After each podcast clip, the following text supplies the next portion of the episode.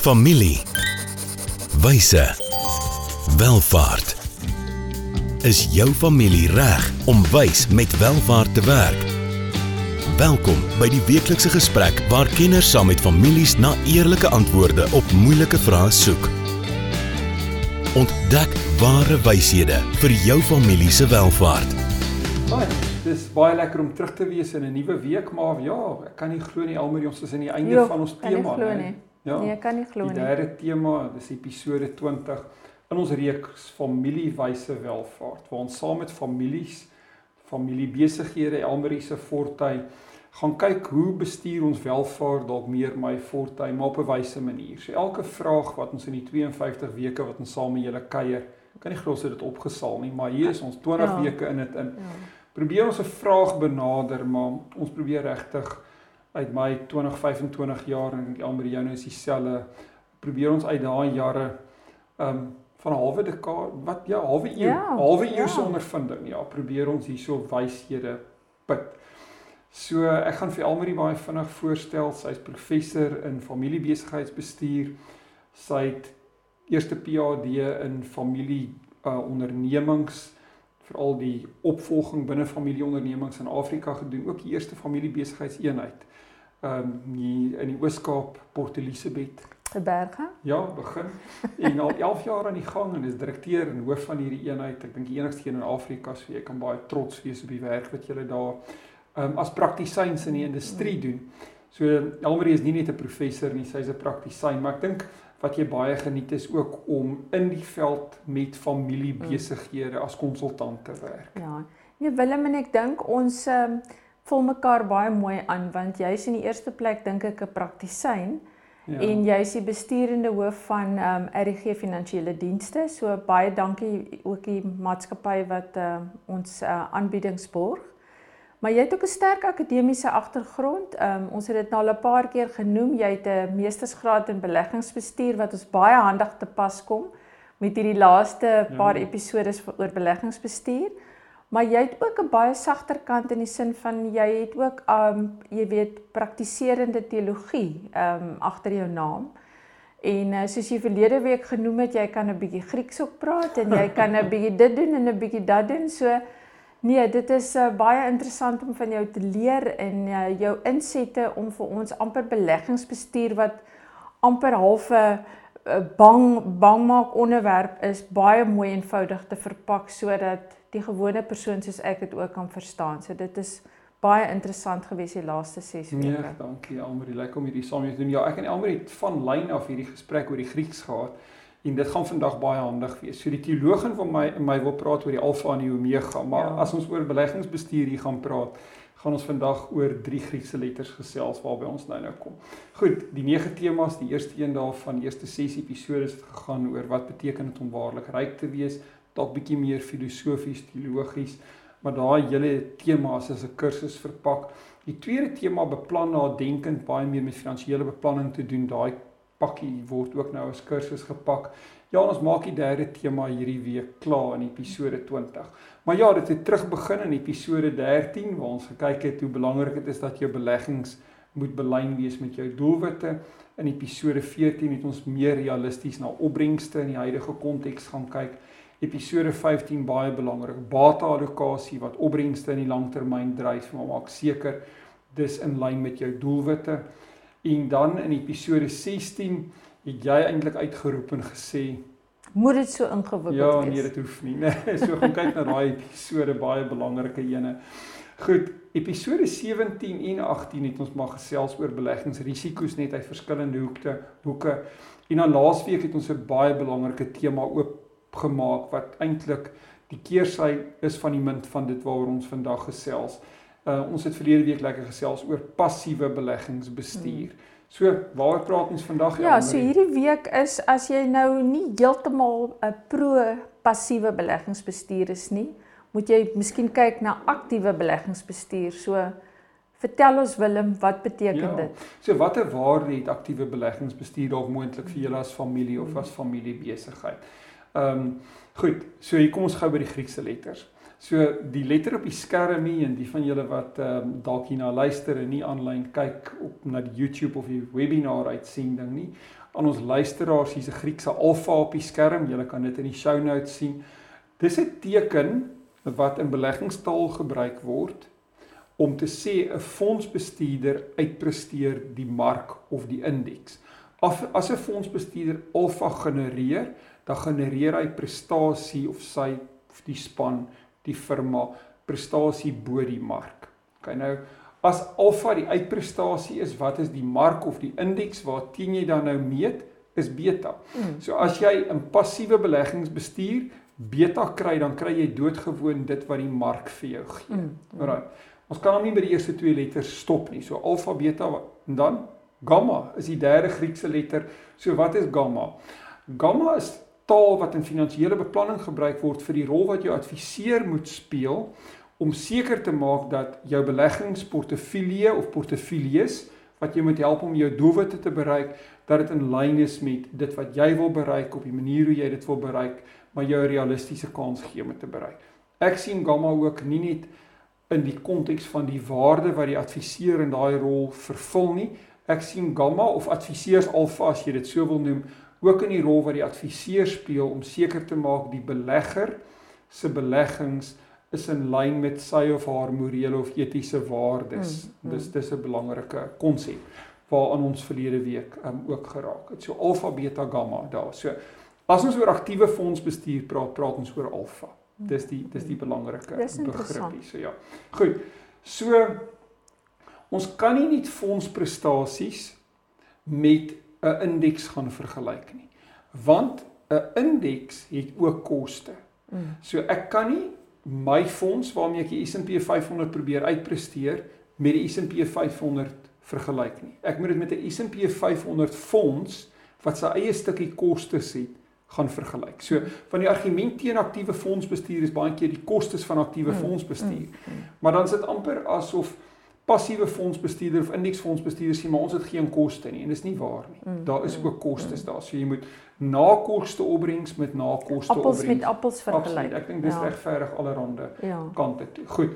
So aktiewe fondsbestuurders voeg wel waarde toe weet deur die beleggingskeuses wat hulle uitoefen, maar dit gaan baie keer met hoër kostes gepaard dit gaan oor die navorsing waarvoor hulle moet betaal, hoër vlakke van kundigheid wat hulle moet hier, die salaris vir daai persone verdien en ook die winste wat hierdie besigheid potensieel as beleggingshuis moet genereer. So daar is definitief hoër kostes.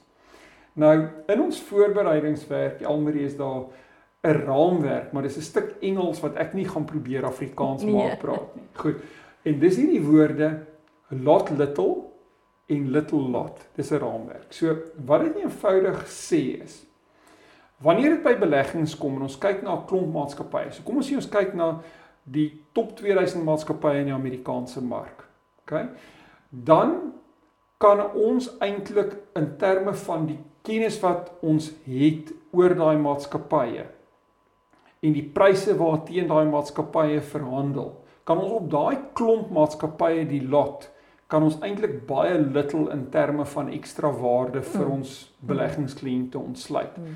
Wanneer ons egter na 'n groter beleggingsunivers toe gaan, kom ons sê na klein markkapitalisasie aandele, dan is dit ehm um, in daai kleiner aandele waar ons baie keer groter waarde kan ontsluit. So in in hierdie groot klomp groot maatskappye kan ons miskien 'n half persent of 'n persent se waarde ontsluit, maar in hierdie minder nagevorste maatskappye waar daar minder kennis oor is, ook in ontleikende markte, ehm um, is daar miskien vir ons groter geleenthede om waar die pryse nie effektief in die mark reflekteer nie, om van daai price efficiencies vir ons kliënte te ontsluit in die vorm van aktiewe in die vorm van aktiewe aktiewe ja. fondsbestuur ja. So dis die 4 L'e, alright? Little lot en dan uh ekskuus lot little en dan little lot. Nie die lot toe nie. Nee nee niks daarvan nie. Die little vier, lot lot little. Die vier alle nou wat wat aktiewe fondsbestuurders in hierdie konteks dan baie keer gebruik is. Hulle gebruik illiquiditeit, so partymal 'n maatskappy of instrument wat nie aktief verhandel nie, so die prys word nie elke dag gemaak op hierdie instrument nie. Sulke instrumente verhandel baie keer weet tot 'n diskonto van wat dit werd is. Die probleem is as jy wil verkoop is dit nie altyd maklik nie.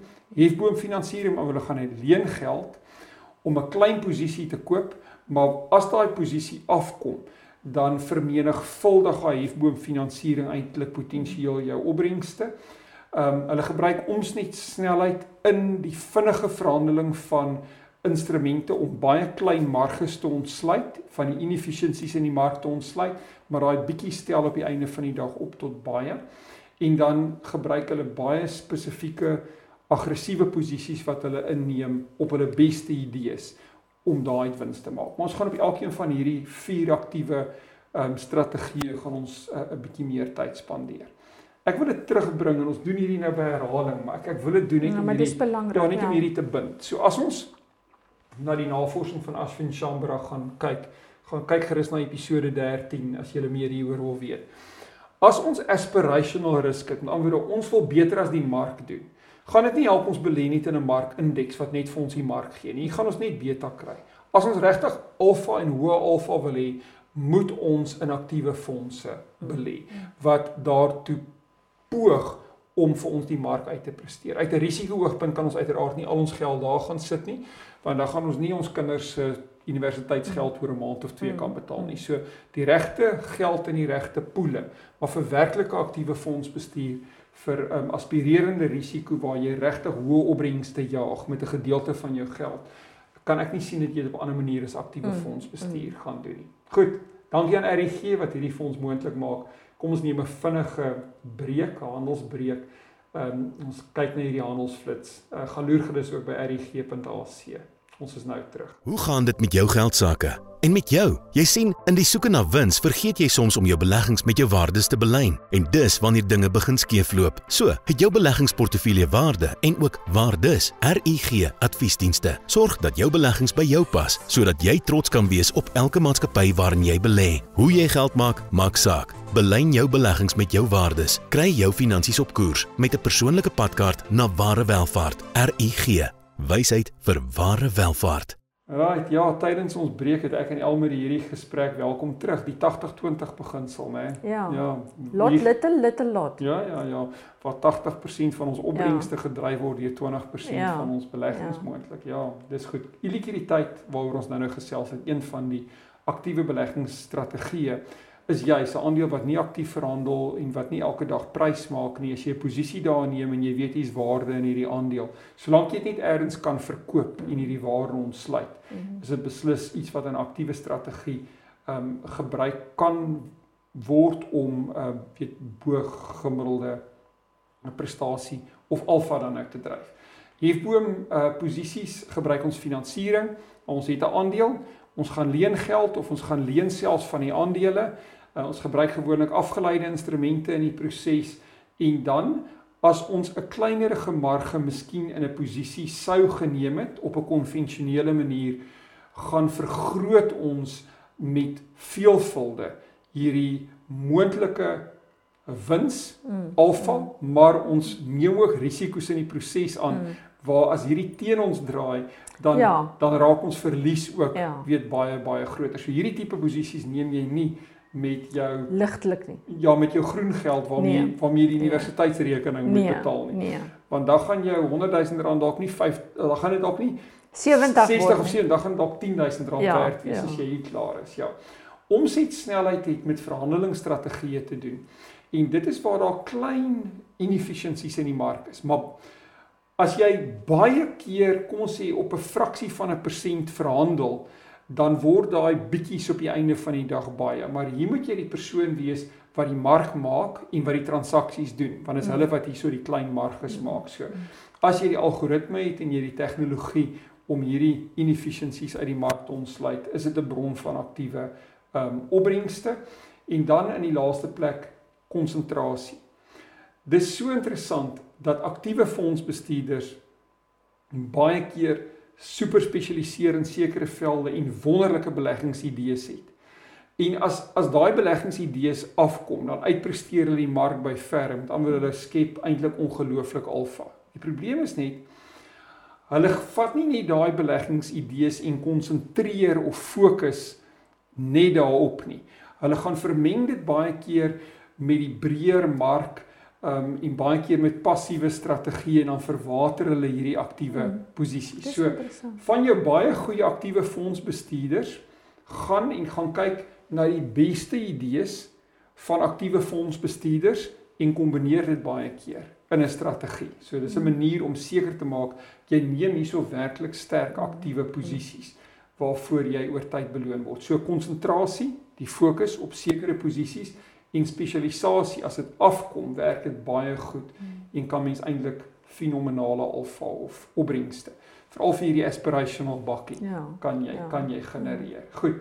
So as ons fooie en beleggings betaal, moet daai fooie gemeet word in verhouding tot die kwaliteit van aktiewe bestuur wat ons kry. So as jy dalk 'n bietjie hoër fondse betaal vir aktiewe bestuur, moet jy seker maak jou fondsbestuurder doen werklik aktiewe fondsbestuur Mm. en doen nie net 'n bietjie aktiewe fondsbestuur en eintlik grootliks 'n klomp passiewe bestuur Mm. en nou betaal jy aktiewe fondsbestuur eintlik vir passiewe Mm. fondsbestuur. Mm. As jy vir aktiewe fondsbestuur betaal, betaal vir die beste moontlike aktiewe fondsbestuur. Maar ek dink wat dit is jy ook 'n beginsel wat geld vir familie besigheid konsultasie. Jy sal dit ook nou Ja. al hoe meer weet. Want uh, ek dink baie families is synig en wil nie betaal vir goeie advies nie of hulle betaal ten duurste. En dis hoekom ons die opleiding begin doen dit vir groot maatskappye Hmm. is hulle betaal ten duurste vir 'n resepie wat eintlik op hulle van toepassing Baie is nie. So dis so maklik om net 'n resep te vat aan die ander kant. So dit geld eintlik vir 'n uh, jy weet 'n konsultasiewerk in enige rigting. Ja, ook aan beleggings. As jy betaal ja. daarvoor, dan moet jy ook verwag dat daar 'n bietjie meer persoonlike waarde ingaan nee, vir die kliënt. Goed, so mens gaan soek na uitsonderlike vaardighede in aktiewe fondsbestuur. Jy wil 'n dapper fondsbestuurder hê as hy oortuigings of sy oortuigings oor 'n bepaalde posisie het, dat hy daai posisie sterk um, gaan inneem en dat hy ook bereid is om af te wyk van die indeks, van die maatstaf. Um om om om om uit daai posisie um alfa te genereer. Dit moet darm teen uh, skaflike fooie kom en dan um weet as jy van hierdie uh, kom ons noem dit strategieë wat ons genoem het. Jy weet die die illiquiditeitspremie wat ons kry, hefboomfinansiering, omsetsnelheid of konsentrasie. As jy enige van daai strategieë in die proses moontlik volg, dan kan jy baie goeie alfa vir kliënte en aktiewe fondsbestuur ontsluit. En dan moet mens ook besef dat ehm um, inligting is publiek beskikbaar. So as 'n bepaalde strategie in 'n sekere konteks vir 'n sekere tyd werk, gaan daai strategie nie noodwendig vir altyd bly werk nie. Ja, ja. Ja, so ja. mens moet hier ook wakker wees en die feit dat jy sukses met een aktiewe fondsbestuurder het, beteken nie jy gaan vir altyd weet sukses met daai bepaalde aktiewe fondsbestuurder hê nie. Goed. Ek wil ter afsluiting hierdie terugtrek net na 'n gesprek wat ons verlede week gehad het. So ons het gesien in markte en ons het die Verenigde State en Kanada as voorbeelde gebruik. Het ons gesien dat oor die 80% van aktiewe fondsbestuurders kry dit nie reg om die indekse uit te presteer nie. So dis markte wat baie efficient is en dis eintlik moeilik om in daai markte veral in groot en medium markkapitalisasie aandele 'n waarde te ontsluit. In kleiner markkapitalisasie aandele is daar wel geleentheid. Toe het ons Suid-Afrika as voorbeeld gewys as 'n ontleikende mark. En mens kan na 'n klomp ander ontleikende markte gaan kyk.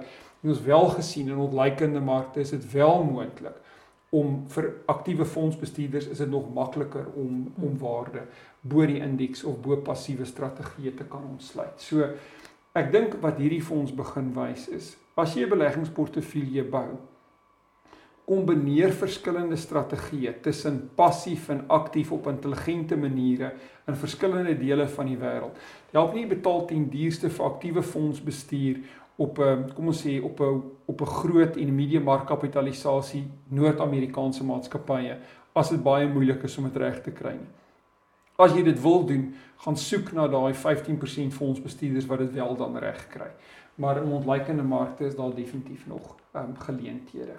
So ja, ek dink dit gaan daaroor om aktiewe strategieë en passiewe strategieë intelligent in jou beleggingsportefeulje ehm um, te kombineer en seker te maak jy kom op daai manier by jou Ek dink doelwitte. ek dink Willem iets wat mense ook pertinent moet doen en ehm um, noem 'n aktiewe bestuurs uh beleggings is ehm um, die menslike kapitaal ja, en die intellektuele kapitaal. Jy weet ja. wat baie passiewe uh, beleggings uh, bestuur nie vir jou gee nie. ja. Ehm um, Baie swaarder beleggings in tegnologie daaroor. Ja, en soos jy ook van gepraat het, as jy amper gekant is teen beleggings in 'n bepaalde indeks, ja, wat uh, jy die voorbeeld gebruik van pornografie en cannabis verlede hmm. week dan dis maar net twee voorbeelde van ja, baie, dan ja. raak dit dan kan dit ingewikkelder raak en dis waar die menslike en intellektuele kapitaal dink ek van die adviseur inkom ja, is ja, uh en die ondervinding. Ja. ja. Ek kan nie glo nie ons is op einde hierso maar ons hanteer 'n vraag saam met julle maar dan stuur ons julle huis toe met 'n vraag wat julle as familie binne julle besigheid kan hanteer en dit is gegeewe julle kennis ehm um, julle en die doelwitte wat julle vir julle portefeulje het ehm um, die feit dat jy hopelik nou bietjie meer volatiliteit of wisselvalligheid verstaan en dit in die langtermyn sal uitsien. Watter deel van jou portefeulje of julle familie se portefeulje of julle familie besigheid se portefeulje sal julle aan aktiewe strategieë blootstel. En dalk die leidraad hier is gaan kyk na die drie verskillende mandjies. Ehm um, in die eerste mandjie gaan jy dit nie wil doen nie, maar in die tweede en derde mandjie dink ek daar's definitief plek vir aktiewe fonds bestuur. En dan watter deel gaan jy aan passiewe tipe van strategieë blootstel? So 'n lekker gesprek ja. waarmee ons hierdie blok of hierdie tema dan mee ehm um, afsluit. So Elmarie, 'n volgende tema is baie meer in jou veld. En ja, dis die vraag van hoe berei ons die volgende generasie mm. binne 'n familiebesigheid voor vir die welvaart. So ek gaan 'n bietjie die welvaart perspektief bring maar ek dink hierdie oordrag van die besigheid van generasie van die een generasie na die volgende generasie is iets wat baie baie sterk in jou veld lê en ek sien baie uit om in hierdie tema ja, nee, ook, ook, ook baie van jou te leer. Goed, so ja, gaan loer gerus by rg.ac. Um, e-pos vir my en Elmarie by info@rg.ac. Rig dit aan haar Elmarie as jy met haar wil praat aan my Willem, as jy dit aan my wil rig aan ons saam as jy wil. Ons sal julle kort en kragtig probeer antwoord. Maar ja, gaan kyk hierna op die YouTube kanaal. Gaan luister hierna ook op die verskillende potgooi platforms. Uh die Engelse sê share dit, like dit, deel dit. Ehm um, ja, kom ons begin hier 'n lekker sterk beweging waar ons in Suid-Afrika oor families en hulle welvaart op 'n wyse manier praat. Baie dankie Willem, sien uit na ons volgende tema. Baie dankie Almarie in hierdie week. Dankie jy ook. Volgende keer gesels ons verder oor wyshede wat families nodig het vir ware welvaart. Familie. Wyse. Welvaart.